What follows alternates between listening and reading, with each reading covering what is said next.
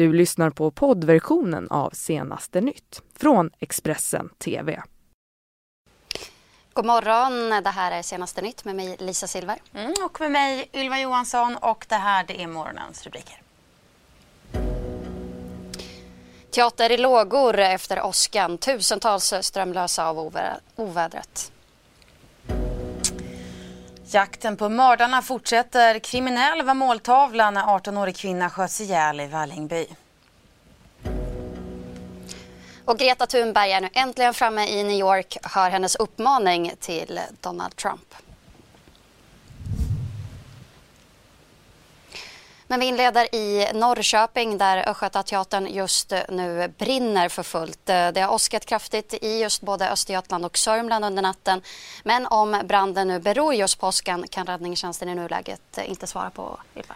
Nej, men räddningstjänsten de är på plats och kämpar mot lågorna som startade på natten här på vinden. Och Eh, de har nu också gått ut med en varning till allmänheten eftersom röken både kommer synas och lukta över stora delar av stan. Röken ska inte vara farlig men man uppmanar ändå invånarna att stänga både dörrar, fönster och ventilation och låta räddningstjänsten arbeta i fred och eh, inte ringa in och larma om den här röken. De arbetar för fullt med att släcka den här branden. Ja, och vi söker ju dem såklart eh, för att få senaste nytt om detta. Vi ska också säga att det kraftiga åskovädret i just Östergötland och Sörmland det har även gjort att tusentals hushåll har blivit strömlösa. Det var vid 22-tiden igår kväll som flera började larma om detta. Mellan 6 till 700 blixtar slog ner i Östergötland under en två timmars period under natten enligt TT. Och enligt E.ON har som mest nästan 40 000 hushåll i regionen drabbats. Räddningstjänsten de har haft eh, som sagt fullt upp under natten och tvingats rycka ut på över 60 larm. Utanför Gnesta brann både en villa och en lada efter att eh, blixten slagit ner. När då strömmen kan vara tillbaka är fortfarande inte helt klart. I nuläget finns det ingen prognos men de jobbar ju såklart för att försöka lösa det här problemet och vi fortsätter att hålla er uppdaterade här under morgonen om åskan och ovädret. Ja, men nu ska vi byta ämne. Vi ska eh, istället prata om eh, det misstänkta mordet i Vällingby där en 18-årig kvinna ju sköts ihjäl igår i en lägenhet i Råcksta. Enligt uppgifter till Expressen så mördades hon med automatvapen och måltavlan ska ha varit en tungt kriminellt belastad man som befann sig på platsen. Och eh, inom polisen så beskrivs den utpekade måltavlan som en person med många fiender enligt Expressens uppgifter. Och den här mannen som är i 35-årsåldern han är dömd för flera grova brott. Senast så dömdes han till fyra år och sex månaders fängelse för rån, grov misshandel, försök till grov misshandel, misshandel, hot mot tjänsteman, våldsamt motstånd, ringa narkotikabrott. Ja, listan är lång. Då förekom mannen redan under 32 avsnitt i belastningsregistret. Tidigare så hade han dömts för bland annat misshandel, rån, häleri, våld mot tjänsteman och försök till dråp. Ja, och nu så fortsätter jakten på, den misstänk på de misstänkta eh, mördarna. Polisen jagar två maskerade gärningsmän som ska ha lämnat platsen i en mörk kombi kort efter skottlossningen. Klockan halv två natten till onsdag larmade vittnen om skottlossning i Råksta i västra Stockholm. En skadad kvinna börs ut från ett flerfamiljshus och fördes från platsen i ambulans. Hennes liv gick inte att rädda. Enligt uppgifter till Expressen är det ett automatvapen som har avlossats. En kvinna är avliden. Hennes anhöriga är underrättade och vi bedriver förundersökning angående mord. Vi genomför dörrknackning och en informationsinhämtning för att ta reda på vem eller vilka som har gjort det här. Kvinnan var dock enligt uppgifter till Expressen inte den tilltänkta måltavlan. Det var istället en kriminellt belastad man dömd för bland annat rån, grova våldsbrott och narkotikabrott. När polisen kom till platsen fördes han från lägenheten där skjutningen sköt. Enligt Aftonbladet ska mannen ha sagt det var mig de var ute efter, inte henne. Polisen söker nu två maskerade gärningsmän som ska ha setts fly i en mörk kombibil. Det vi vet är att en bil har hörts från, äh, lämna platsen här i hög hastighet efter den här skjutningen. Vi har pratat med vittnen som hört äh, upp till tre stycken smällar och sen hur den här bilen då lämnade platsen här utanför Vällingby under natten. Boende i området väcktes av skotten och flera berättar för Expressen om ett smattrande ljud av automatvapen. Många är chockade av händelsen. Jag trodde direkt att det var en bomb. Men sen insåg jag att det var ett automatvapen.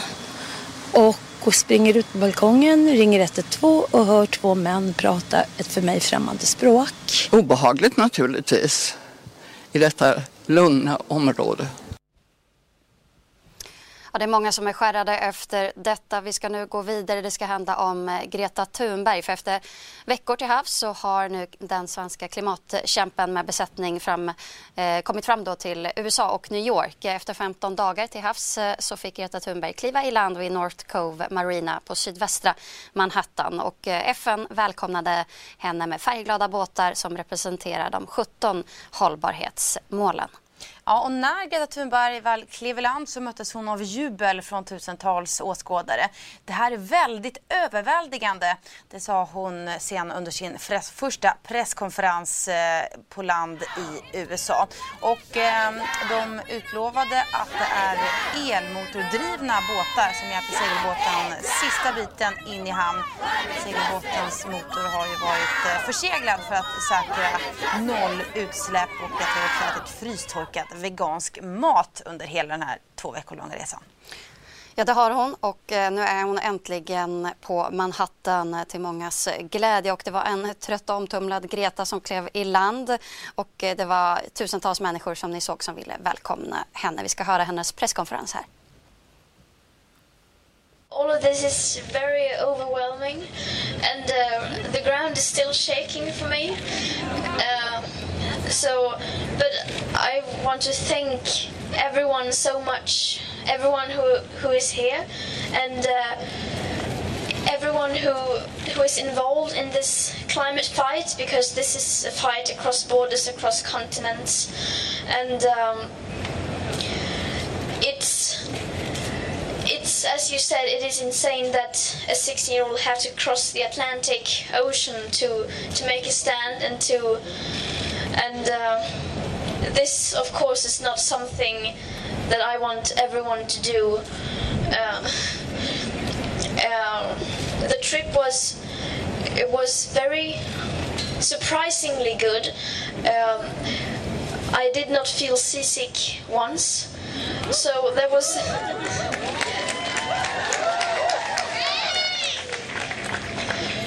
and uh, I am very grateful for Team Malizia and everyone else who has been making this trip possible and uh, of course for everyone everyone else every activist who fight daily to to save the world basically Ja, vi ska också höra när, hur det lät när Greta pratade svenska för första gången också. Greta, hur har resan gått? Hur har den varit tycker du? Det var väldigt bra. Ja. Hur skönt är det att vara på land? Ja, nu måste jag vänja mig vid marken och fast. Det känns största utmaningen? Jag vet inte. Kanske att jag saknar. Vad ser du mest fram emot nu? Ja, Att få stänga dörren.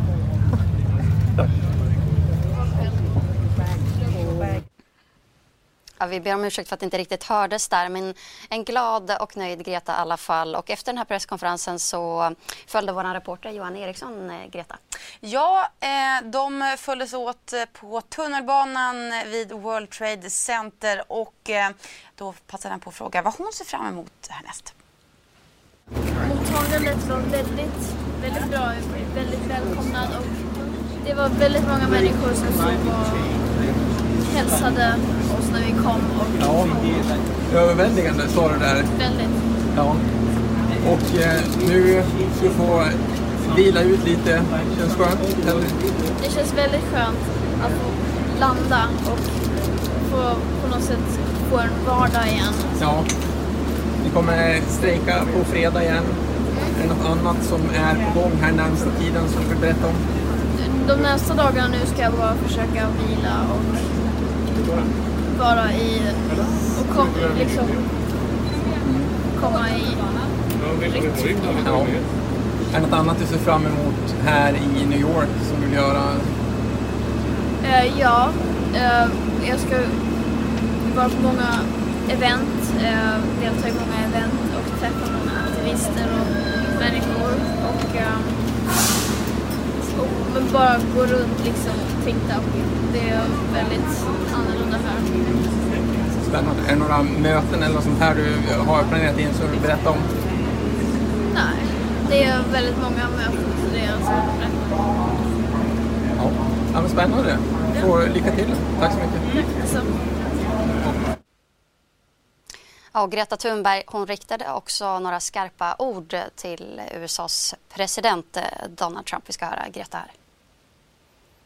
It's strange. Everyone always asks me about Donald Trump, uh, but I mean, my message for him is just listen to the science, and he obviously doesn't do that. So, I mean, I, as I always say to this question, if if anyone, no one has been able to convince him about the climate crisis, the the urgency, then why should I be able to do that? So I'm just going to to now focus on on spreading awareness, and that people in general will start caring and realize how big of a crisis this is.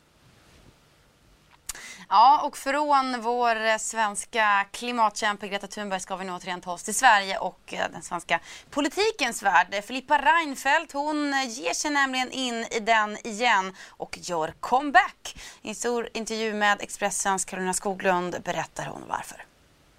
Har absolut inte saknat från politiken under de här åren?